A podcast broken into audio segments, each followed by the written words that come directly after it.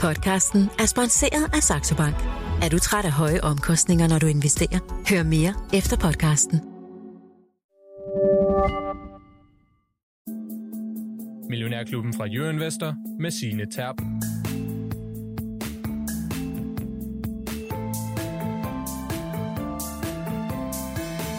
Skibe, vindmøller og kraner. Det er ingredienserne til denne tirsdag i Millionærklubben, hvor vi de næste 54 minutter skal nørde de finansielle markeder, og ikke mindst et selskab, der selvfølgelig befinder sig i det terræn. Jeg har nemlig besøg i studiet af Mikkel Glerup, der er administrerende direktør i Katler. Godmorgen og velkommen til, Mikkel. Godmorgen. Jeg ser jer både omtalt som et øh, vindrederi, et offshore-rederi og alt muligt sjovt derindimellem. Hvad kalder du jer egentlig selv? Vi er nok sådan en blanding mellem et rederi og et byggeselskab. Okay, der gjorde du det ikke nemmere for mig. Nej, det er heller ikke særlig nemt. Okay. Du har været med os før, men der er sket en del siden du sidst stod her i studiet. I har fusioneret med en konkurrent fra Monaco. Ja. I har også fået øh, et par lån ind under vingerne. Det lyder som om, at der sådan er ret, ret godt gang i det ude hos jer. Er det også din fornemmelse, når du sidder i spidsen for det hele? Ja, det synes jeg. Det, øh, vi synes, at 2023 det har været et ret godt år. Vi har nået de, alle de mål, vi satte for os selv. Et ret godt år? Ja. Okay, ja. Er det sådan den jyske beskedenhed, der, der vender ind? For det ser pænt ud, når man kigger i jeres regnskaber, i hvert fald sådan lige ud fra jeg lige ved. Nå. For de nye lyttere skal vi måske også lige have på plads. I er øh, et rederi, et byggeselskab, øh, noget derimellem. Hvad er det, I tjener penge på, Mikkel? Vi tjener penge på at opstille og bygge offshore vindparker for vores kunder. Mm. Og det er altså noget med, at I har en masse store skibe, eller i hvert fald et par stykker af dem. Fire styks. Fire stykker skibe, ja. og et par på vej også. Ja. Og Lars Svendsen, derfor er du jo selvfølgelig ja. også med os i studiet i dag, Ja, når det, det er det handler alligevel, om ja. skibe, fast Ja. porteføljeforvalter i Millionærklubben og den ene halvdel af Svendsen Ja, og ja. Tudborg. Inden vi dykker helt ned i kattet, Lars Svendsen. Ja. ja, du lyder allerede skuffet nu. Nej, nej, vi nej, skal hvad så- selvfølgelig så? også et tur ud på markedet. Ja. ja. Og Hvad sker der? Jamen, det er lidt positivt, øh, men det er helt marginalt, øh, og nu taler vi i Danmark, ikke? Og, og så, øh, det, det er, der er sådan lidt, vi venter jo på de her regnskaber. Der er kommet et par stykker nu. Øh, vi fik øh, sådan en formelding, var det for almindelig brand i, i går, ikke? og det sagde, det gik som det skulle. Og så i dag er det top, øh, og de er kommet med sådan rigtige tal, og de er altså lidt i den svage afdeling, men ikke noget, ikke noget, ikke noget fælt. Øh, men altså, der har jo været, vi ved godt, det var et dårligt år sidste år med mange værtsskader og sådan noget. Det, det er, hvad det er, så der er ikke noget, noget farligt i det. Og så det store i dag sker jo, det, er og det er ikke til at finde ud af, hvad det skal betyde. Det er jo, at kineserne til synligheden, nu har den kinesiske regering fundet ud af, at øh, deres aktiemarked er helt til rotterne, og ingen vil være derude, så nu vil de til at løfte sig selv ved hårene på en eller anden måde. Mm. Og To det... billioner yen, de vil smide Ja. ud i markedet. Måske, måske ikke Måske. for at holde hånden under det hele. Ja, og det er jo så, det svarer til det samme i kroner, ikke? Så, så det er da sådan et ret pænt beløb, men, øh, men, men, øh, men pointen er, at øh, aktiemarkedet i Kina øh, har jo været temmelig dårligt, og, og i, måske i virkeligheden især i, i Hongkong, der er lidt mere fri marked, ikke? Det er det, jeg sidder snart og kigger på. Jeg synes, det er ufaldigt billigt, men det, det, vinden vinder ikke, vel? De bliver ligesom bare ved at gå ned og ned og ned, og nogen siger, at Kina er ikke investerbart mere. Det er sådan noget, hvis de vil lave ged i det derude, og og ikke være venskabelige og fredsomlige og handle med os og alt sådan noget, så, øh, så, så øh, vil vi ikke investere derude.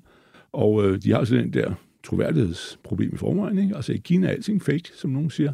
Øh, nej, men det er jo sådan en af de, de grove øh, forenklinger, men, nå, men altså, det er problemet, ikke? Altså, I så sent som i går, så stod, nu skal vi tale om vindmøller, i dag stod der, at du kan købe kinesiske vindmøller, der er 20% billigere, ikke? Ja, det er jo fint nok, men de skal jo også kunne holde, ikke? Altså, det er lidt dårligt idé at stavle dem op, og så hvis de ikke holder mere end 12 år, ikke? Altså, de skulle helst holde dobbelt så længe, eller op mod dobbelt så længe. Nå, men, men, det, men altså, det, det ser ud til at hjælpe øh, penge på bordet, så stiger markedet, og det er op med 2,9 procent. Øh, Mm, det er da en chat. ud af den her Hongkong-marked, øh, ikke? og, og rigtig Kina, fastland, Mainland er kun op med marginalen med en kvart procent. Så det, men altså, det- synligheden er de ved at, og øh, man må så håbe, at de mener det rigtigt. Altså, de kan jo bare prøve på at være flinke til samarbejde og sige, at vi skal alle sammen blive rigere og handle med hinanden og sådan noget. Så, så kommer markedet nok op af sig selv, men det ved de ligesom ikke rigtigt. Og så var der en anden historie, som vi ude i dag, om at nu er Indiens aktiemarked øh, overhældet Hongkongs i, mm. som børsværdi. Det er jo som, sådan, måske mere sådan nogen som os, der synes, det er interessant, men, men det er jo øh,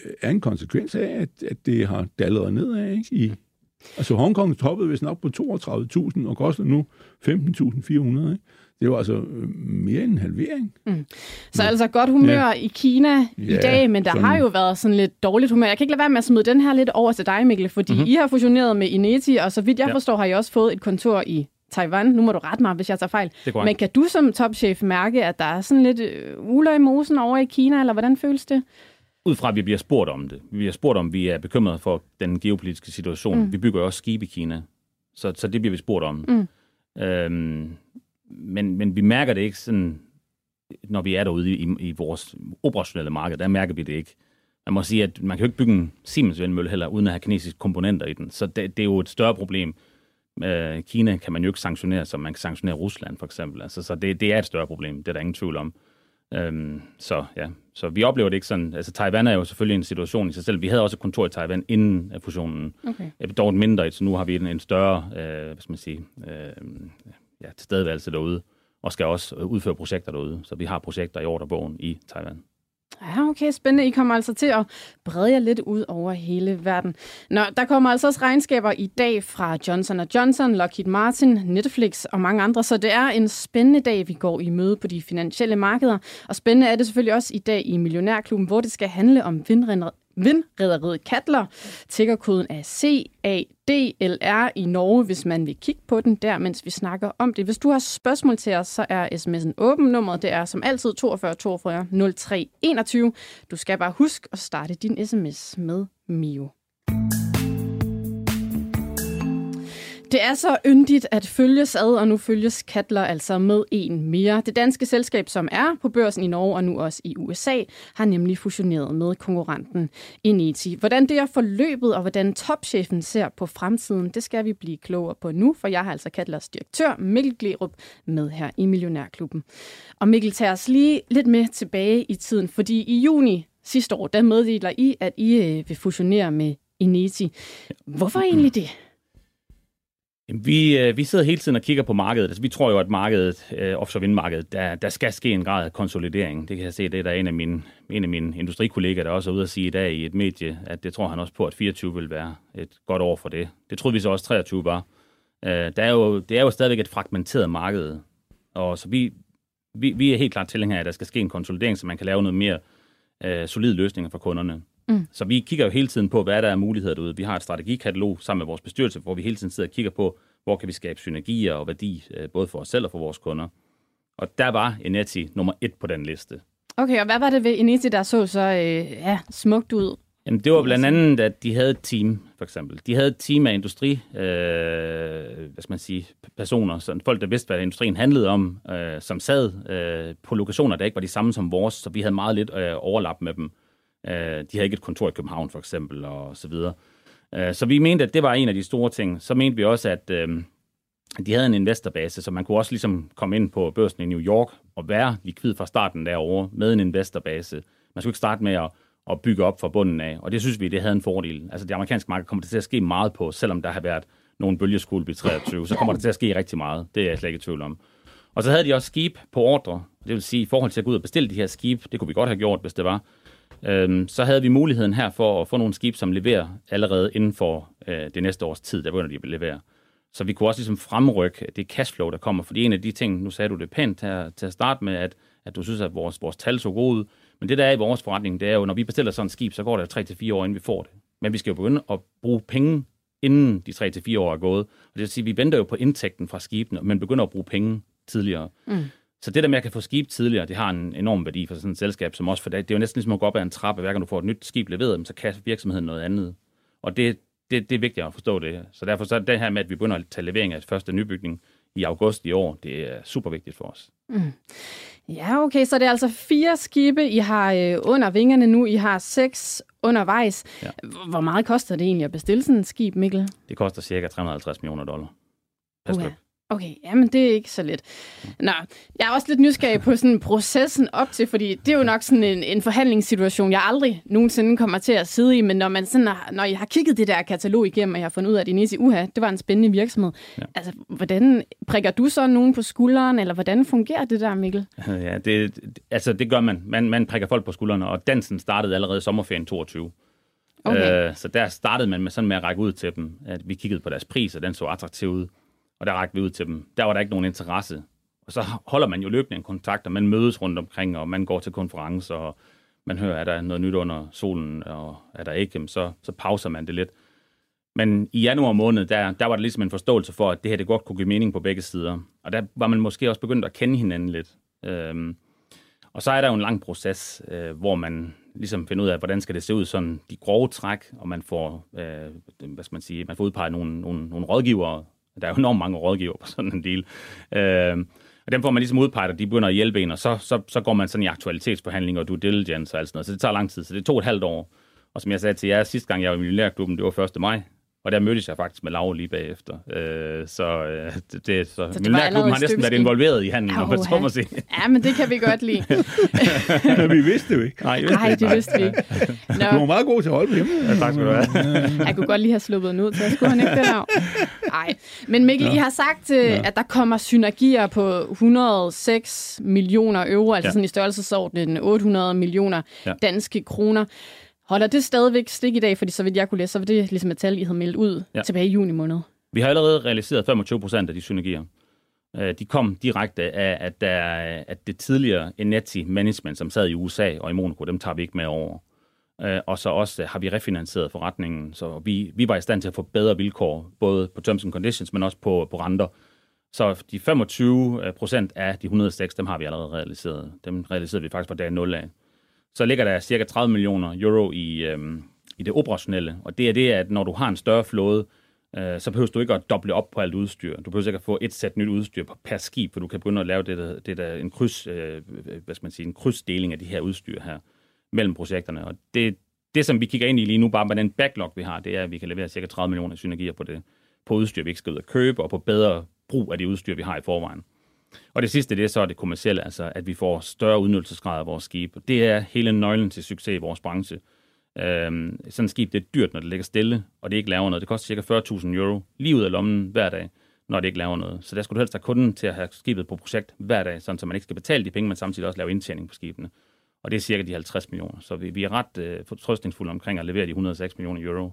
Og jeg vil faktisk sige, at efter vi ligesom har fået lukket bøgerne og er blevet et selskab, så, har vi, så har vi vores tiltro til det tal er kun steget. Okay, jamen det lyder jo positivt. Altså, du er en god sælger, når du står herinde i studiet. Øh, noget andet, jeg også lidt mærke til, det var, at der er hele 86 procent, der faktisk stemte ja til den her fusion. Hvad betyder det sådan, som dig, altså for dig som topchef, at få en så stor opbakning til det, Mikkel? Jamen, det er fantastisk. Altså, øh, det gjorde de jo ikke i første omgang. Vi, havde jo, vi var nødt til at forlænge fem dage, faktisk. Så vi var jo øh, under vores øh, threshold. Vi havde 85% threshold, øh, og den var noget vi ikke i første omgang. Øh, så vi forlængede med fem dage. Det skal man, øh, fordi det er det der er material condition, øh, at man når sin, sit threshold. Så hvis man sænker det, og det gjorde vi, vi, vi, vi, vi, vi sank det jo ned til, til 70% øh, den threshold. Og så i anden omgang, der var vi så op på 86%. Og det betyder mm. rigtig meget, fordi punkt 1, du får øh, aktionærer med over, det vil sige, at aktien fortsætter med at være likvid, øh, for det var jo alle sammen øh, nyse investorer, altså nogen, der var der havde investeret i New York. Men derudover, så, øh, så skulle vi jo ikke bruge så meget kontantmidler øh, midler på at skulle ud og squeeze ud øh, de resterende. Så det har været en, en billig deal for os på kontantsiden, altså på cash, vi skulle ud og bruge på at, at trykke andre aktionærer ud. Svendsen, jeg kan Ja, huske, da ja. ja. det her øh, nyheden om Eneti og Katla, den kom ud, der ja. ringede jeg til dig og interviewede Ja, dig, og så sagde du, jeg har ikke mere travlt med at købe aktien. Hvordan så du egentlig Ja, på den en her? Hvordan så du på den fusion? Nå, men jeg, jeg så sådan på det, at, jeg har aldrig været så begejstret for, for Initi, fordi jeg mener, at det var langt hen ad vejen øh, sådan lidt aggressivt setup, han lavede øh, derovre. Det er, jo, det er jo kommet ud af Scorpio, øh, hvor, hvor, så vidt jeg husker, det solgte de, jeg ved ikke, hvor mange boldbåde for at få råd til at bestille øh, to, øh, to granskiber. Det er ikke sådan nogenlunde Det korrekt. setup'et. Det hed Scorpio Bolkos før. Ja, mm. Ja. og, og hvad hedder det? Og, og derfor var det så, at når de så, så kort efter var parat til at indgå en, øh, i, i, i en fusion med, med, med, med Kattler, altså går, går ind i en større, øh, altså Eniti var den lille af dem, ikke? Øh, reelt. Så, hvad hedder det, så, så synes jeg ligesom, at det var sådan lidt, uh, lidt hurtigt, at han var på vej ud af bagdøren. Uh, og det var, uh, det var det, jeg havde imod. Jeg kan sagtens se ideen i det, og, og de får jo to uh, store uh, skibe, som passer fint. Det er jo ligesom nærmest dem, I selv bygger der. Uh, og, og, og så er der så, uh, hvad hedder det jo, også nogle andre, uh, I har i ordre, men, men, men, uh, men altså, det var sådan set der, hvor jeg sagde, sådan, ah, det der ikke... Altså, når nogen er, er for, øh, for hurtig med at komme ud, eller ligner noget at komme ud, og kommer ind i... Altså, nu når de kommet ind i den her koncern her, ikke? så har de jo også en mulighed for på længere sigt at trække sig baglæns ud, hvis de gerne vil det. Hvis den her aktie lige pludselig fiser op, og står i, den står i 47 nu, ikke? så står den lige pludselig i øh, DNO, eller hvem det var, mener, den skal i 60. Det kan da sagtens lyder meget fornuftigt. Ikke? Og så løber ingen tid, så koster det måske 80. Ikke? Men så kunne det jo godt være, når hans øh, lock-up-periode er gået, så siger han hej hej. Ikke? Fordi nu er jeg blevet så lille i det her spil, at øh, det var det. Og så meget sjov jeg heller ikke. Vi vil hellere interessere os for nogle øh, rigtige skibe, hvis øh, der kommer gang i noget af det. Ikke? Så, så det var sådan set derfor, jeg sagde, mm. at det her det er ikke en, en fusion, jeg, jeg synes var... Jeg, jeg forstår fuldstændig det industrielle rationale, men ligesom hvis intentionen for en af dem... Altså jeg prøver på at forstå, hvad er intentionen for de folk, der gør noget? Mm. Det er det, jeg prøver på at forstå og sige, og hvad betyder det for mig som investor? Ikke? Ja. Men Svendsen, selvom du ja. ikke fik travlt med at købe Cadeler-aktien ja, ja. dengang tilbage i juni måned, mm. så ikke desto mindre har den jo fundet vej til din portefølje. Jamen, jeg, er jeg, det købte sandt? her i efteråret. Jeg købte det i september, øh, faktisk. Øh, eller i hvert fald de fleste af dem. Og øh, der kostede den 37, og øh, jeg tror nok, jeg har det hele hjem på 35, men, men, men hvad hedder det? Ja, fordi jeg mener, at det er, det er en rigtigt øh, foretagende, og det bliver godt, og det er... Altså, jeg er jo lidt bange for vindmølleindustrien de, de næste par år, fordi, øh, og de der tømmermænd, og kald, øh, kald hvad du vil, altså cost override, de har, og problemer og renterne stiger, det er jo ikke deres øh, skyld, men det er jo et, et problemparameter, ikke? Men, så der vil jeg sige, rigtige vindmøllefabrikker, det har jeg altså ikke travlt ved at røre ved. Jeg var ved at komme galt afsted i Siemens, det slap jeg ud af uden problem, men, men, øh, men øh, vi skal lige vente på, at de kommer ud af skoven, ikke? Men øh, de, der leverer øh, ting ind i systemet, som Kattler gør, det dur. Fordi, øh, når man altså, øh, hvad hedder det, fordi de har jo, de skal være der, så videre. Ikke? Så er det jo kun, hvis, øh, hvis de en dag får problemer med overhovedet at betale, at der er problem for, for, for Katler. Ikke? Altså, det, det, det gælder om at komme ind de steder, hvor det dur. Og der mener jeg, at Katler er... Øh, fordi, og jeg skal også have Siemens og Vestas igen, men måske om to år, men ikke nu. Siemens sagde forleden dag, i 27, så bliver vi en fin forretning. Mm. Det er da, og de har to tredjedel af Siemens Energy, det er jo altså ikke vindmøller, det er kraftværker og turbiner og skrive manualer til Putin, så han kan finde ud af, hvordan man skal sende gas igennem det der rør, som nu er knækket, ikke? Og så videre. Det var jo dem, der skulle levere den manual. Så ja, vi kan simpelthen ikke finde det manual, så kan vi Det er jo tyskerne, der saboterer det hele. Nå, men, øh, men, øh, men, men det, to tredjedel af Siemens Energy er jo ikke vindmøller. Det, det er, det er, alle mulige andre ting, og hvis du skal have, hvad hedder det, hvis du skal bruge for en, transformatorstation, så er det også dem. Altså, de kan levere stort set alt. Så, men, men jeg mener, at det dur der, og det er det, jeg gør. Men jeg har bare meget svært ved at vurdere den som aktie, fordi de står jo over for at udvide så meget, og markedet skal først komme. Øh, altså, altså gennemførelsen af ordrene, ikke? de er jo på vej af ordren. Du har ordre på, jeg ved ikke, du har en frygtelig stor ordre på, ikke? Næsten 1,8 milliard euro. Ja. Ja, det er ja. lidt. Men... Ja, det er jo mange penge, men, men, men, men det er det der med, at det hele begynder jo i år, kan man sige, øh, i, så vidt jeg forstår, at 24 for stort set ligesom øh, samme antal kilowatt, der bliver sat op som sidste år. De bliver så noget større, men, men så i 25, så, så begynder den helt store kurve, og så, øh, så raser det jo afsted øh, til i hvert fald 2030, og så, så bliver det nogle større vindmøller måske også, og sådan noget. men, men, men øh, det, altså, det er der, der er take-off. Take-off kommer jo sådan set 25. Er det, er, er det nogen rigtigt? Ja, altså vi, vi kigger allerede ind i take-off nu, fordi der sker ja. også utrolig meget på det her hvad skal man sige, vedligeholdelsesmarked for vindmøller, fordi no. den installerede base, den, den vokser Mm. Man kan sige, når man skal have lavet vedligehold på de her møller, ja. og man skal lave øh, hovedkomponentudskiftning, så skal man bruge sådan nogle skib som dem, vi har. Og det betyder også, at der bliver taget nogle skib ud til det marked, som så ikke kan installere. Og det er selvfølgelig med til at, og, hvad skal man sige, at påvirke, hvor mange der kan installere. Og når de større møller kommer, så er der en del af skibene, der ikke længere er relevante. Øh, og det er også derfor, vi har, ja. vi har forberedt os. Man kan sige, at hvis man kigger på leveringen af vores skib, så kommer de lige præcis på det rigtige tidspunkt. For vi tager levering af fire skibe i 25, og et i 26 og et i 24. Så øhm, det, der sker rigtig, rigtig meget lige nu. Og øh, man kan sige, at da vi, da vi børsnoterede, da jeg var i Millionærklubben første gang, der havde vi en order backlog på cirka 250 millioner dollar. Så der er sket lidt. Så der er sket rigtig meget. Mm. Og hvor, lang, hvor mange år går den, rækker den fremover? 2030. Okay. okay. Men Mikkel Glob, som uh, Lars Svendsen også var lidt inde på, altså tingene ændrer sig hele tiden, ikke kun i Katlar, men også i den store verden. Renterne ja. er stedet. Vi har mange af jeres kunder, altså for eksempel Ørsted, som jo har haft det enormt svært, har endda droppet projekter. Altså, hvordan påvirker det jer? Lige præcis det har overhovedet ikke påvirket os, fordi okay. vi har jo sagt helt fra starten, at vi, vi tager en lidt tilbagelænet, øh, hvad skal man sige, tilgang til det amerikanske marked. Og det var jo virkelig det amerikanske marked, det her det var drevet af. Det, det skabte sig en masse bølgeskuld på verdensmarkederne for offshore vind. Men, men, men det amerikanske marked var en isoleret øh, situation i, min, i mine øjne, at man, man havde budt med nogle priser, som man ikke kunne realisere projekterne på. Øh, både på grund af inflation og på grund af renteniveauer, men også på grund af, at man simpelthen ikke havde en supply chain derovre. Altså det, det, det, det er helt tydeligt, at det skal man have bygget op. Og man havde måske troet, kan man, kan man argumentere for, at, at, at, at hele supply chain ville følge med, som den havde gjort i andre markeder, for eksempel i Asien. Og det gjorde den ikke. Øhm, så man stod lige pludselig med et problem. Øh, men vi har lidt ændret holdning til det amerikanske marked nu, for der sker nogle ting. Altså, der har været en rekalibrering. Ja. Så dem, der bygger projekterne eller udvikler projekterne derovre, de har en anden forståelse af, hvad det er, der skal til for at få leverandørerne med. Og det vil sige, for os, der, der betyder det, at nu er der en mulighed, og vi skal allerede arbejde i USA fra i år øh, på grund af det. Okay. Øh, også på en kontrakt, hvor vi er tilfredse med risiciene. Fordi noget af det, vi har været meget bekymret for i USA, det er de operationelle risici. Mm.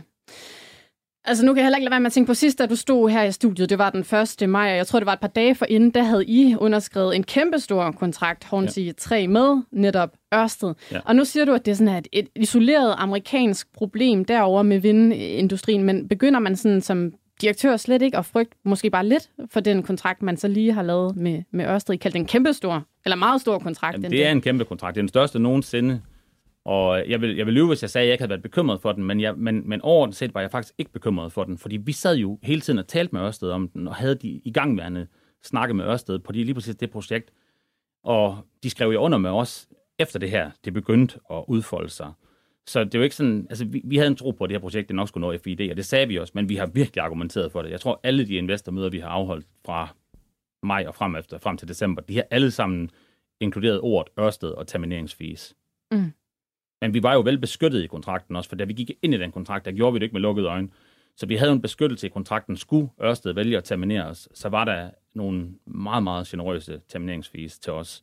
Så jeg har også sagt til nogle investorer, at i det tilfælde, at Ørsted valgte at terminere os, så kunne det næsten blive en fordel for os, for vi var jo ikke bange for, for hvad skal man sige, udnyttelsen af skibet. Der stod jo andre kunder i kø og gerne ville have skibet.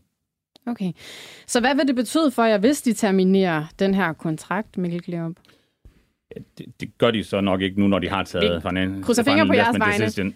men, øh, men hvis de havde gjort det, så havde vi jo fået et uh, termineringsfee udbetalt, men vi havde så også stået med et fuldstændig mobiliseret skib øh, på Ørsteds regning, kan man sige. Mm. Og, øh, og det, øh, det, det, gør, det giver nogle muligheder, fordi der er ingen tvivl om, at der er øh, især i, i, i sidste halvdel af, af 20'erne, der er der, der er der behov for den her type skib her, som kan lave lige præcis det, som vi laver, og vi er ikke bekymrede for udnyttelsen af skibene overhovedet. Okay. Kunne du lige forklare os alle sammen, øh, hvor mange skib er der egentlig? Nu taler vi om de store havvindmøller, dem som er på 15 øh, megawatt her nu. De, det er den type, som nu skal køre. Det, det bliver det store produkt nu. Hvor, hvor, hvor mange skibe er der og bliver der i, i, i, i, til at slås om det marked der? Altså hvis man regner alle nybygninger med, så er der cirka 30 skib. Ja. Men, men det der er, det er, at når møllerne bliver større, så er det ikke alle skibene, der længere kan installere dem effektivt. Nogle er nødt til at dele tårnen i to komponenter. Og så skal man samle tårnet offshore. Og det, det lyder ikke så voldsomt, men lad os sige, at man bruger 12 timer på at samle tårnet offshore. Det er jo nogle store komponenter, og de skal bolde sammen. Det er mange bolde, man skal sætte, og det er nogle meget, meget store bolde, man skal sætte. Så det lyder ikke så voldsomt, men hvis man skal gøre det 200 gange, og det tager 12 timer, så tillægger man 100 dage til sit projektprogram. Og det er ikke bare 100 dage med jack det er også 100 dage med alle folkene, havnene, øh, de kraner, man bruger i havnene, helikopter og skib, der sejler ud, og så videre, så videre, så videre. Så de 100 dage kan hurtigt blive nogle meget, meget dyre 100 dage. Det vi argumenterer for, det er jo, at vores kunder de vil helst øh, indkøbe i toppen af pyramiden. De vil helst købe de bedste skibe, de mest effektive skibe.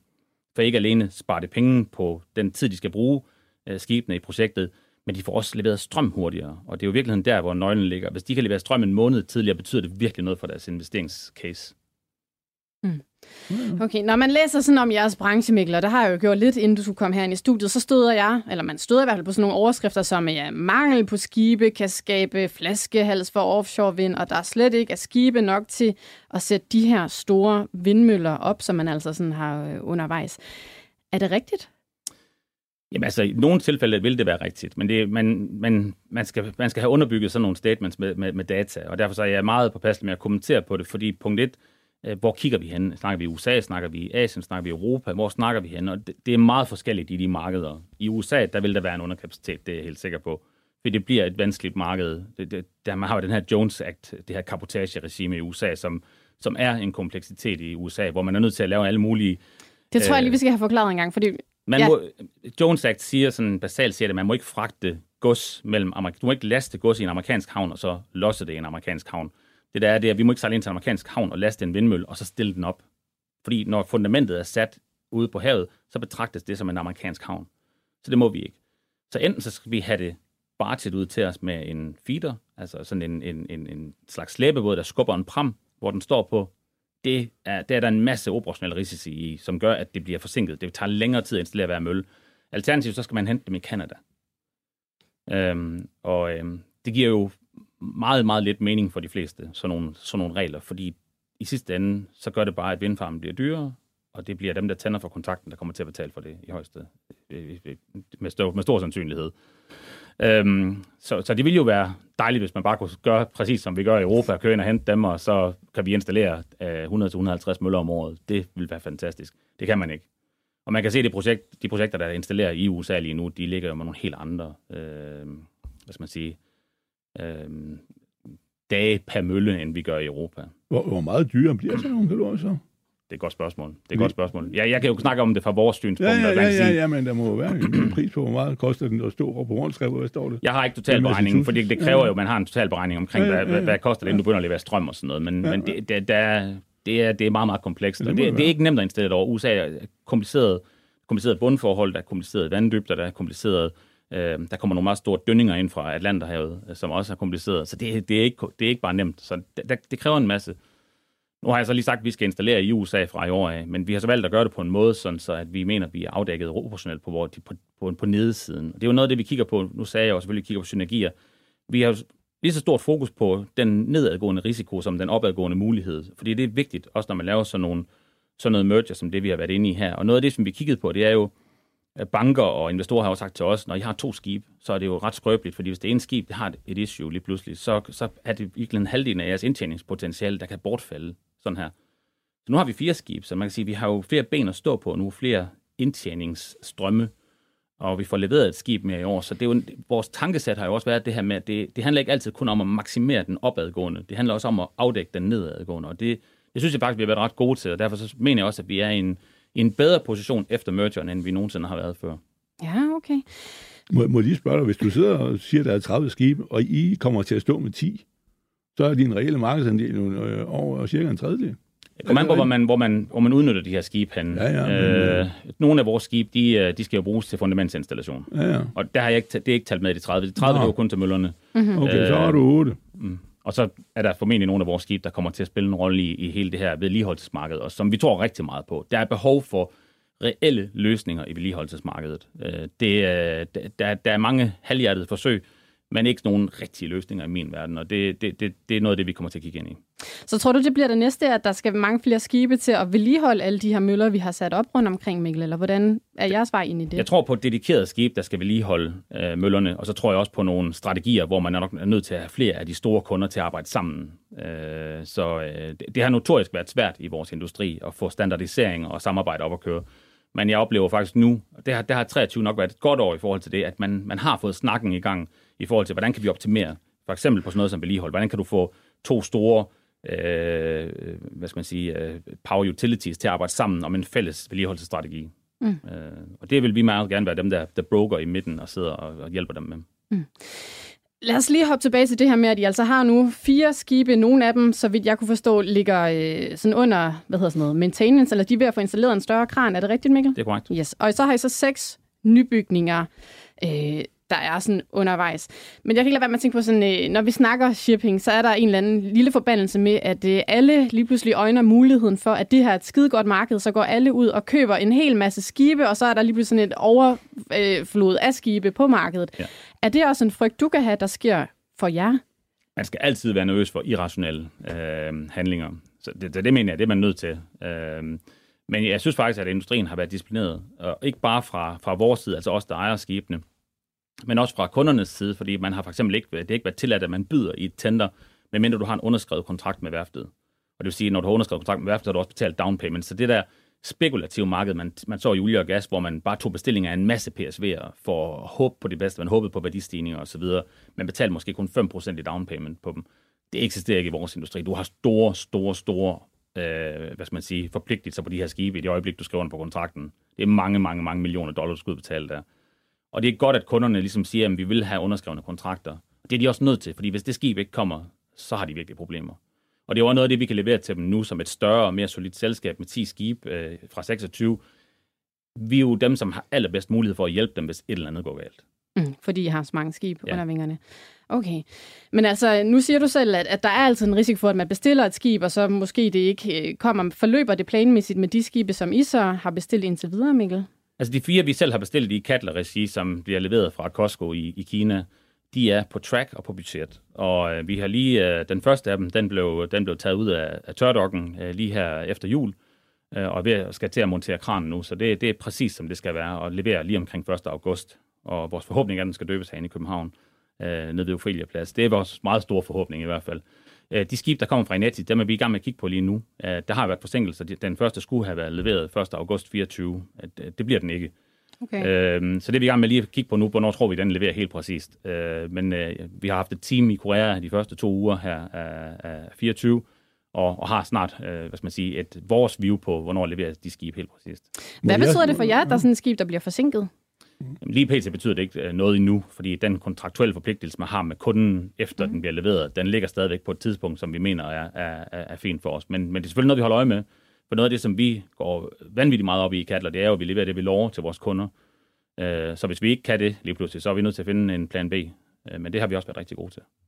Ja, Må jeg lige spørge om noget, fordi der er, altså, jeg kan følge med i det der marked, der er jo også noget, der kommer nedefra mm-hmm. øh, af konkurrence. Der, nu kalder de dem vist for CSOV'ere.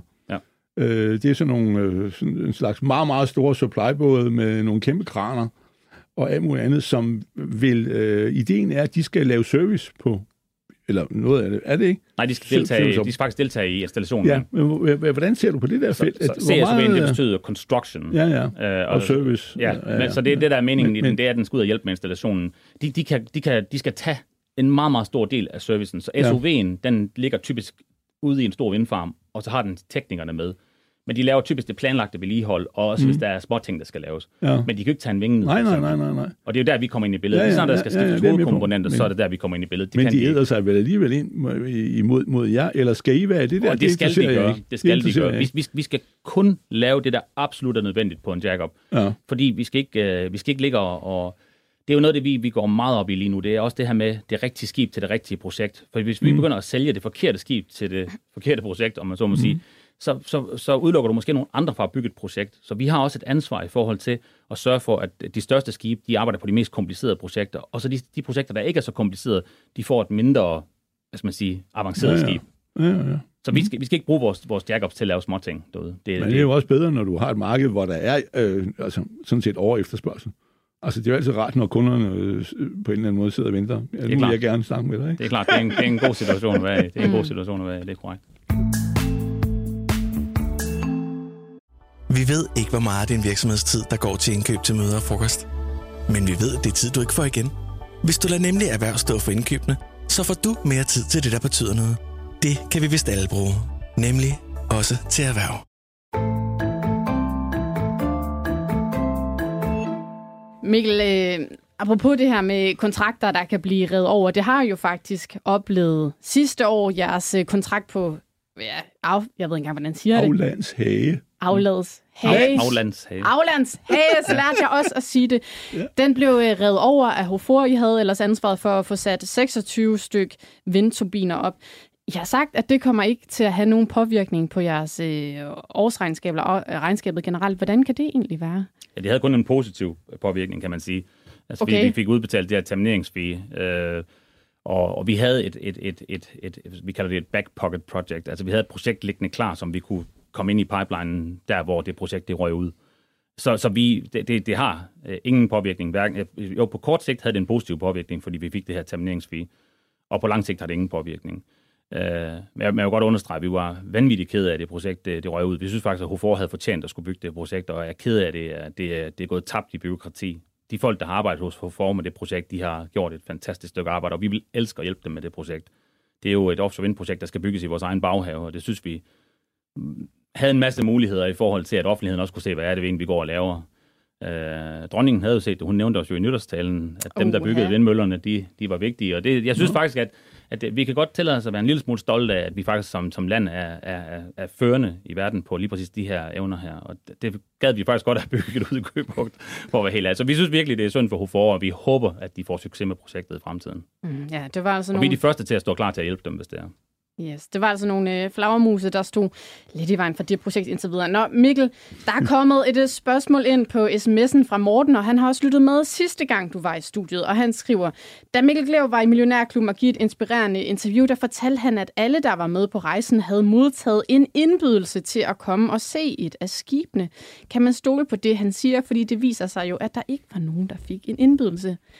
Jamen, nu skibene har jo ikke været her nu. Jeg tror, jeg talte om indbydelsen til dåben på det første skib.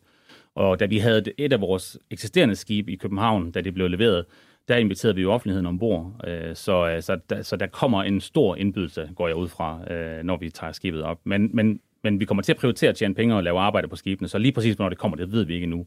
Men vi er i dialog med, med by og havner i forhold til at få en, en rigtig god placering inde midt i København. Og jeg tror mig, alle kan se, når det kommer ind, fordi at, øh, det bliver det højeste varetegn i København, når det kommer ind. Ja, Vi får nok desværre ikke løft, lov til at løfte kranen op på grund af lufthavnen, men det ville være fantastisk. Øh, Banneret, som sad på forsiden af, af, af New York Stock Exchange, da vi øh, ringede på klokken over den 21. december, det har vi fået tilsendt, så det kunne vi jo hænge op i kranen, hvis det var. Ja, men det lyder som om, det kunne blive smukt dernede. Hvad har det egentlig gjort for jer, at I også er kommet på børsen nu, ikke bare i Norge, men så også har fået den her amerikanske notering? Jamen, jamen, det har vi nok i virkeligheden ikke sådan helt afdækket endnu, hvad det har af muligheder, men, men potentielt har det en masse muligheder. Jeg vil sige, at øh, vi taler med nogle, en anden type investorer. Der er nogle, nogle fonde, som tidligere var, øh, ikke havde mulighed for at investere i aktien. Øh, nogle fonde har sådan en, øh, nogle, nogle minimums adgangskrav for at investere. Det kan fx være en milliard dollar i market cap. Og det er vi jo over nu. Nu har vi jo en, en market cap på cirka 1,4-1,5 milliarder dollar. Så der er vi over nu, så dem kan vi snakke med os. Og så typisk så de største fonde har også en maksimum position, de må tage, som er x antal dages trading for at være likvid i aktien. Og det vil sige, det vi nu er er noteret, også i USA, det skaber en masse likviditet i aktien, øh, men også at vi, øh, vi har den her, den her market cap. Det gør, at der er nogle store fonde, der, der, der er interesseret. Jeg vil faktisk sige til det, Lav han sagde tidligere, øh, Scorpio har faktisk slet ikke en lock-up på aktien. Nå, det. Øh, for det har vi ikke været bekymret for. Øh, fordi at, øh, jeg, jeg, jeg vil næsten være så, så, så dristig at sige, at, øh, at der, der, er- der rigeligt med aktionærer derude, der gerne vil tage en position, hvis det er, at, øh, at den var til salg. Så altså nogle nye mennesker, der kigger sulten på jer i USA. Mikkel, hvis vi sådan her på falderæbet skal tage fremtidsbrillerne på, og hvis vi har dig med i studiet igen om, øh, jeg ved ikke, et års tid, hvad forventer du så, at det er for en position, I står i der? Jamen, så er min forventning, at vi, vi, har, vi har etableret os yderligere som den ledende spiller inden for opstilling af de her havvindmølleparker. Det er helt klart vores ambition. Øhm, vi er ikke med bare for at være her. Vi vil gerne være nummer et. Vi vil gerne være, være, være dem, der dem kunderne går til. Både på grund af den måde, vi opererer på. Vi, øh, vi prøver virkelig på at integrere med kunden og forstå kunden, så det ikke bare handler om kontrakt, men det handler om at, at skabe succesfulde projekter sammen med vores kunder. Det er virkelig vores, vores, vores motivation. Øh, men vi har stadigvæk fokus på vækst i vores virksomhed. Øh, der kommer til at ske en masse ting, og så har vi selvfølgelig fokus på den her integration, vi står overfor. Vi er kommet godt i gang, og, og øh, jeg tror også, at øh, hvis vi stod her om et år, så ville vi også kunne sige, at det, det går rigtig, rigtig godt. Øh, der har vi også taget levering af nogle skibe jo, og, og har så måske inviteret lytterne ombord til et besøg. Det vil glæde mig at Ja. få Morten ombord. Det vil virkelig glæde mig. Øh, vi vil jo gerne vise det her frem. Vi er jo stolte af det, så vi vil gerne vise det frem. Øh, der- Jeg har to spørgsmål, hvis vi kan nå det, inden du går. Du skal ud af døren, forstår jeg. Men det ene er, General Electric øh, har jo været sådan noget øh, lidt bagefter med alting. Men, men øh, de er jo også på vej med sådan en der. Hvor, hvor, hvornår øh, begynder de at komme ud med noget, som kan sættes op ude på bølgerne? Jamen, de stiller op lige nu. De stiller op både på Vineyard i USA, og så stiller de op på Doggerbank ABC i, øh, i, i England. Ja, det er rigtigt. Ja, øh, med den, der hedder Haliade X, som er deres mølle, den, den største, de leverer pt. Ja. Der har også været et rygte omkring, at de udvikler en 18 megawatt mølle, men jeg ved ikke Ja. helt, hvor de er henne lige nu. Nej. Nå. Men jeg vil sige, at øhm, det er svært. Det er ikke et nemt marked at komme ind i det her. Så det, de problemer, som der har været på dem, de store Ja. spillere, Vestas og Siemens, Ja. det, det, der er ingen tvivl om, at dem mærker GE nok også. Ja, ja. Fordi reelt er en som, som Nordex, han er, han er slet ikke med? Slet ikke med på offshore, nej. Så der er faktisk kun to kunder, og så kommer øh, øh, ham her, GE nu, General Electric. Ja, og så ser vi jo så også, at der er nogle kinesere, som prøver, Nå. Nå. og de har blandt andet vundet et projekt i Korea, lige øh, kineserne. Øh, så, øh, så vi må se, altså, hvad der sker med kineserne. Men vi, fra, fra vores side, Øh, om, altså vi, vi håber selvfølgelig på en stærk industri i Danmark, det, der ikke, det, det vil jeg godt slå fast med syvtommer søm, men, men vi kan jo opstille alle møller, uanset ja, ja. om de er kinesiske, amerikanske, tyske ja, ja, eller klart. danske. Det er klart. Men noget andet det er, jeg har lavet mig fortælle for nogle af de der folk, der sidder og, og kravler rundt i de der brancher der, at indeværende år, altså 24, skulle der komme en voldsom mængde øh, licenser, altså hvor man, det er jo så det tidlige fase, øh, bliver øh, sat på bordet, hvor siger, nu kan du få en her, vil du lave den, og vil du byde, og så videre. Men så var det selvfølgelig nogle år, inden de nogensinde bliver øh, til, til virkelighed. Og så videre. Men er, er, er det rigtigt? Altså, fordi så begynder man jo også kunne se, hvad er tegningen af det, det der kommer derudad. Er det rigtigt nok? Eller? Ja, jeg, jeg, jeg tror personligt på, at 2024 det bliver et, et ret øh, vildt år i offshore vind. No. Øh, også fordi, at man har haft det her blip i 23. Altså, Ja, ja. blandt andet, altså den store auktionsrunde, som mange kigger på, det er jo den engelske auktionsrunde. Nå. Øh, den her Contract for Difference øh, runde i, i England. Og i runde 5 var der jo ingen bydere på grund af priserne. Nå. Men så har man jo hævet subsidierne med cirka 65 Ja, procent. rigtigt. øh, og så er den runde, der kommer til sommer, der kommer alle de her runde 5-projekter til at byde sammen med runde 6-projekterne. Øh, Så vi vidste jo allerede, hvorfor nogle projekter, der vil byde i hvilke runder. Det er ikke ukendt, det ved dem, der er i branchen. Mm. Men nu kommer det til at være en meget større konkurrence og mange flere projekter. Og det, det i virkeligheden gør, det er jo, at du har, du har skubbet, hvad skal man sige, eksplosionen, den har du skubbet et år. Men det gør jo også, at det bliver mere kamp om hele supply chainen. Så jeg er ikke sikker på, at det har haft en, en god effekt på supply chain. Jeg tror, man måske bliver en lille smule mere tight, på grund af, at man har haft det her blip her. Så det skal man helst undgå fremadrettet. Man skal, i i stedet for de her mål, det her 2030 og 2035 2040 mål, så skulle man i stedet for at sætte sig et mål, hvor meget skal vi egentlig kunne bygge per år? Og så skal man bare gøre det konsekvent hver evig eneste år. Det er det, som industrien efterspørger, som vil være rigtig, rigtig dejligt, hvis vi kunne få politikerne med på. Ja, således en appel til politikerne. Vi parkerer snakken om Katler her. Det var rigtig spændende. Mikkel Glierup, administrerende direktør i Katler. Tusind tak, fordi du var med os her til morgen. Tusind tak. Og Lars Svendsen, ja. Så skal vi lidt videre, fordi du har på fået lektier for... Ja, ja, vi skal tilbage på land. Ja, Du fik ja. lektier for i fredags, og dem Ja. nåede vi øh, ikke forbi Nej. i går. Men der var en lytter, der spurgte os om Linde, som jo er noget industrigas, så Ja. vidt jeg ved. Og du har Det- kigget lidt på den Ja, aktie. ja og det, det er jo sådan set øhm, verdens største inden for, altså alt sådan noget, man får jo på trykflasker øh, og på tank, øh, tryktank og den slags ting, til øh, kemiindustri og, og også til medicin, sprog og øh, alverdens ting. Og, øh, og det har været sådan lidt øh, en aktie, der øh, den ligner sådan set meget, hvis man tegner kurven, øh, øh, sådan noget som både Novo og øh, DSV nu, så nu har vi så lavet ekstra øh, ryk op af her sidste år. Men, men det er sådan en langsigtsvinger, øh, vinder. Og i øh, 2018 fusionerede de med øh, et selskab i USA, der hedder Praxair. Øh, og det gjorde så, at, øh, at formelt set er, så vidt jeg begriber hele deres struktur, så er hjemstedet nu egentlig i England, men altså, øh, det er, der er jo ikke meget engelsk i, i, i virksomheden. Men, men øh, øh, og så den er faktisk, øh, aktiemæssigt set, er, skal man øh, nok handle den i USA. Øh, fordi Hvorfor den, Jamen det er på grund af det med at den blev øh, lagt sammen der, og den øh, kom til at fylde så meget, at øh, den tyske, det var en rigtig tysk aktie, og en DAX-aktie, det er det stadigvæk, men, men ligesom at de er, de er, hvad hedder det, øh, de fylder ikke så meget, så, så man, det er sådan, det blev en, øh, en rigtig øh, fuldblods, øh, kunne man kalde det for, øh, amerikaneraktie.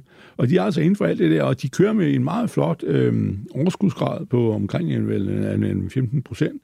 De sidder meget fint på det marked, og der er jo så få konkurrencer tilbage. Det er måske den øh, ene af forklaringerne på det, men aktien er altså desværre, øh, det er sådan lidt ligesom også jo et øh, DSV vel, at det har gået så godt så mange år, at, øh, at aktiekursen også er oppe og ligger, og det er sådan noget med, hvad det er, MP30 eller sådan noget, den ligger på. Så, så det er altså ikke noget øh, billigt øh, øh, fund, du gør der. Og jeg skal så sige, at øh, hvis I er nogle af almindelige mennesker, sådan, øh, som vi har hjemme, jeg ser en, en gaffeltruk, hvor der står Linde på, så har det ikke noget med Linde at gøre mere. Det er, har de solgt for nogle år siden. Okay, så det er Så, noget så det andet. har de ikke noget med at gøre, nej. Øh, men, øh, men, øh, men, øh, men det er det, og så laver de også, og det er sådan en, en knap 10 procent af det, de laver, er øh, det, man kalder for øh, sådan noget ingeniør øh, forretning, hvor de bygger øh, køleanlæg, hvis, hvis man skal for eksempel køle naturgas ned, som skal ned på 161 grader minus, så, øh, så kan de levere sådan noget, øh, altså, øh, det er jo sådan øh, ligesom F.L. Schmidt, altså at bygge, øh, stå og vi påtager os opgaven og lave sådan et, et apparat der, øh, og få nogen til at lave øh, stålhistorien og, og, og alt det der køleudstyr, som skal, som skal bruges. Øh, det, men det er kun 10 procent, så det er altså det løbende salg af, øh, af, af luft på, på trykluftflasker. Øh, det er det, der, der tæller. Så man siger, balladen er sådan set, at aktien er en langsigtet vinder, og, og, men, men det er i den grad Altså, jeg tror, at her, Michael øh, Friis, han vil sige, at den er priset til perfektion. Den er, måske, den er dyr. Ja, ja, det er det. Mm. Den er der priset op i den høje ende, fordi han er sådan en, og der er intet, der tyder på, at virksomheden skulle øh, øh blive ramt af, af, af onde problemer eller noget som helst. Og, øh, og de er jo så drevet også lidt af, at altså, de er jo positivt, vi jeg øh, formodet, jeg kan ikke bevise det, øh, nettovækst i den, øh, det sted, øh, det segment, de er i, men altså, det er ikke noget vildt. Øh, man bruger det også faktisk også til elektronik og sådan noget, hvor du jo skal bruge øh, mærkelige luftarter, og også ting, som er neutrale luftarter, når man skal lave et eller andet, så det ikke bliver øh, oxideret, eller hvad det nu er, man, man arbejder med nogle med komplicerede komponenter.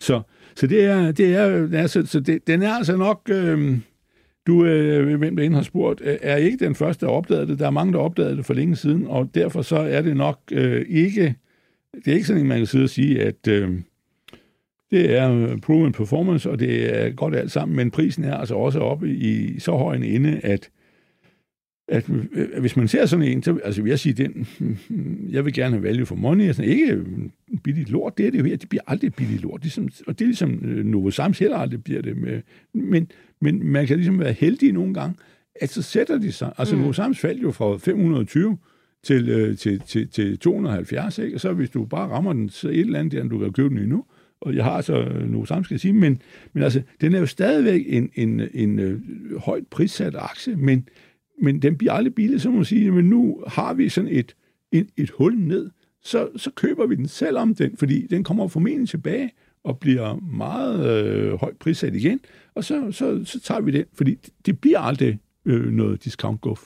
Godt, så du vil købe Linde, hvis den kommer måske ja, lidt ned i kurs, en, en stabil ja, og det er sådan en mulighed, der kan dukke op, og så må du bare, du skal ikke sidde og sige, jamen så gemmer jeg, øh, hvis du skal på 100.000, så gemmer 100.000, de står og venter og venter og venter. Nej, det skal du ikke, men, men så lige pludselig, hvis det indtræffer, at sige, jamen så sælger du øh, nogle af dine øh, andre kære aktier og snupper den. Yes. Vent, Svendsen, vent og lur. Ja. Vent og lur var ja. altså dommen over Linde, som vi, du blev spurgt til i fredags, Lars Svendsen. Ja. Green Hydrogen Systems uh, ja. er der kommet øh, et spørgsmål til. Det er øh, Jakob i Kærteminde, der skriver, at de har fået sænket kursmålet.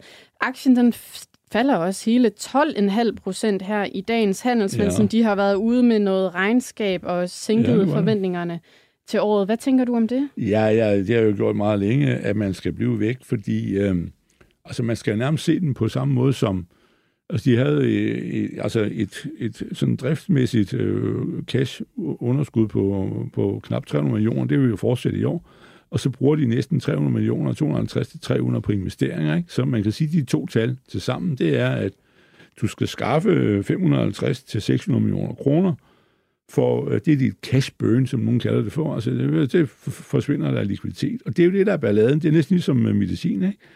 Øh, øh firmaer, der ikke rigtig tjener noget, og de havde indtægter for 40 millioner, det hjælper ikke meget. Øh, så, så, øh, så jeg vil bare sige, men nej, vent og se, og det er... Øh, de er jo kommet bagefter med alle deres øh, ting med deres modeller og, og ny model, og skulle være større og, og sådan en, en hvad hedder det, seriemodellen, mm. ikke? Så, så, så, så jamen, jeg vil bare vent og se det der. Det kan godt være, mener, du er... Øh, altså, nogle mennesker køber jo sådan noget, fordi de synes, det er grønt. Altså, det er, det er jo øh, også udmærket, men nu har man kunnet lave, lave brint ved at splitte øh, vand ad. Det har man kunnet siden 1850, ikke? Så det er jo ikke øh, på den måde raketvidenskab, men øh, og, og der er flere, der også øh, vil gøre det også på, på, på andre metoder end deres, men, men så, så det er sådan lidt, øh, jeg, jeg synes, det er lidt... Øh, nej, det er nok ikke, øh, det er der ingen grund til at lade nogle andre løse den opgave. Okay. Green Hydrogen Systems er ja. ikke en aktie Nej. for dig, fordi Power2X er ikke raketvidenskab. Og apropos raketter. Oh. Tommy fra Sønderborg, han har skrevet ind til os, Lav, og jeg er jo ja. fra Sønderborg, så det, ja, ja, ja. det er jo godt, du skriver. Ja. ja, så kommer han nemlig igennem. ej, ej, Tommy, han skriver, hvad sker der i hans raketaktie Exavion? Er du med på, hvad det er for en, vi mener? Han havde 500 stykker, nu står der 50 i hans oversigt. Synes ikke, der har været noget info ud om aktiesplit. Hvad er ellers panelets holdning til denne aktie? Den kender du ikke. E-V-A-X-X-I-O-N. Nej. Nej, nej, nej. Okay. Det, jeg vokset op på landet. Nej, jeg kender den ikke. Nej, vi må, øh, hvis der er nogen af de andre, der kommer næste på dag, så kan det være, at de kan Jamen, vi, svare på, hvad det er for noget. Øh. vi tager den med, Tommy. Jeg skal nok prøve at se, om der er nogen af de andre, der kan svare lidt på den. Så er der et spørgsmål til uh, SP Group. Svendsen, Ja. er du inde i den aktie? Ja, ja, så nogenlunde godt, ja. Den, Det er Jan, der spørger. Den bliver ved med at falde. Hvordan ser lav på SP Group nu, Ja. og hvor skal den hen i et to til fem årigt perspektiv? Tak for et godt program, og god dag. Ja, altså den, den er lidt, øh, lidt, lidt presset baglæns, men det er aldeles udmærket og vellevet, øh, veldrevet øh, industrigruppe, som jo laver øh, mest plastikting til øh, industrien, øh, som underleverer blandt andet noget af alt det, som Novo har af alle de her øh, medicinske ting og sager, øh, som de, de bruger. Devices, som det jo hedder på nudansk. Øh, men, men aktien ligger og falder lidt, og han er, er lidt påvirket i år af, at øh, vi har øh, industriel afmatning. Det er, jo så, det er jo nogen, der diskuterer, om der er recession og afmatning, og så, men der er afmatning, og det er det, der er problemet for ham. Men øh, det er, jeg vil sige, på kurs 200, jeg ligger og lurer på den for at købe den. Det var engang været oppe i 430-40 eller sådan noget.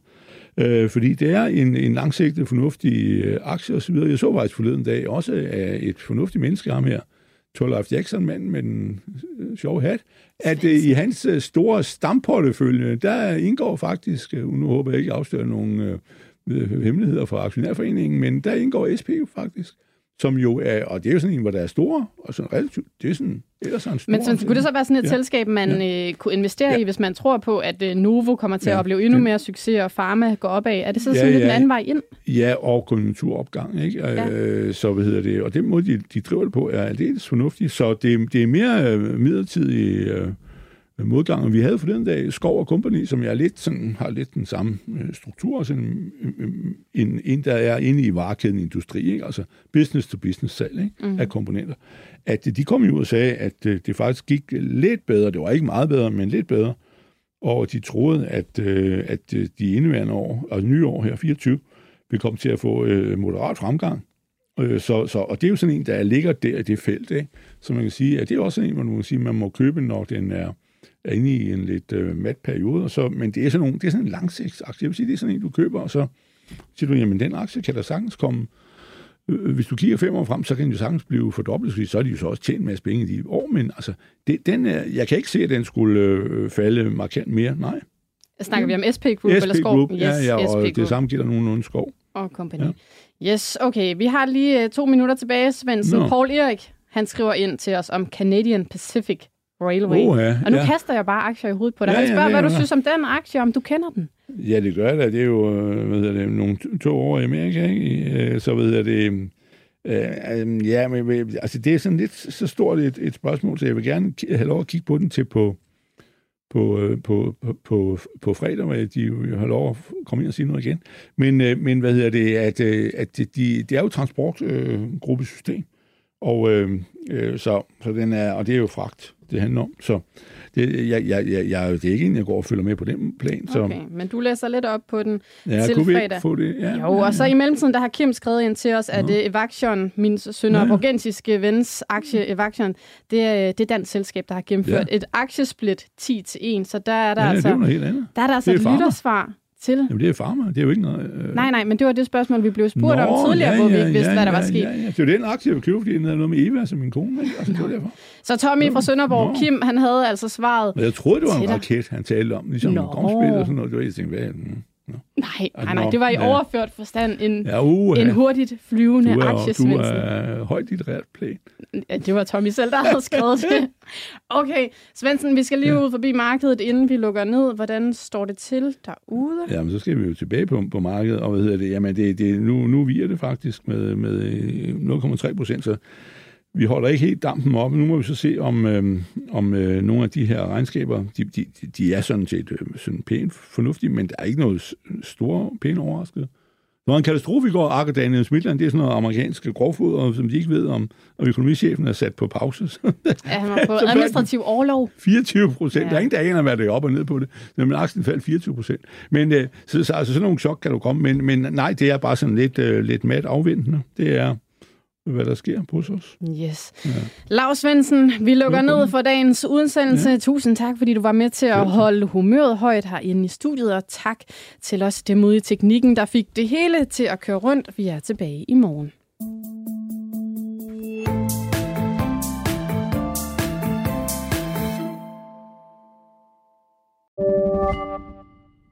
Podcasten er sponsoreret af Saxo Bank. På Saxo kan du få glæde af vores lave priser, hvor du blandt andet kan investere i dine danske og nordiske favoritaktier for kun 10 kroner i minimumskortage. På den måde kan du beholde mere af dit afkast til dig selv. Opret en gratis investeringskonto på saxobank.dk og kom godt i gang med at investere.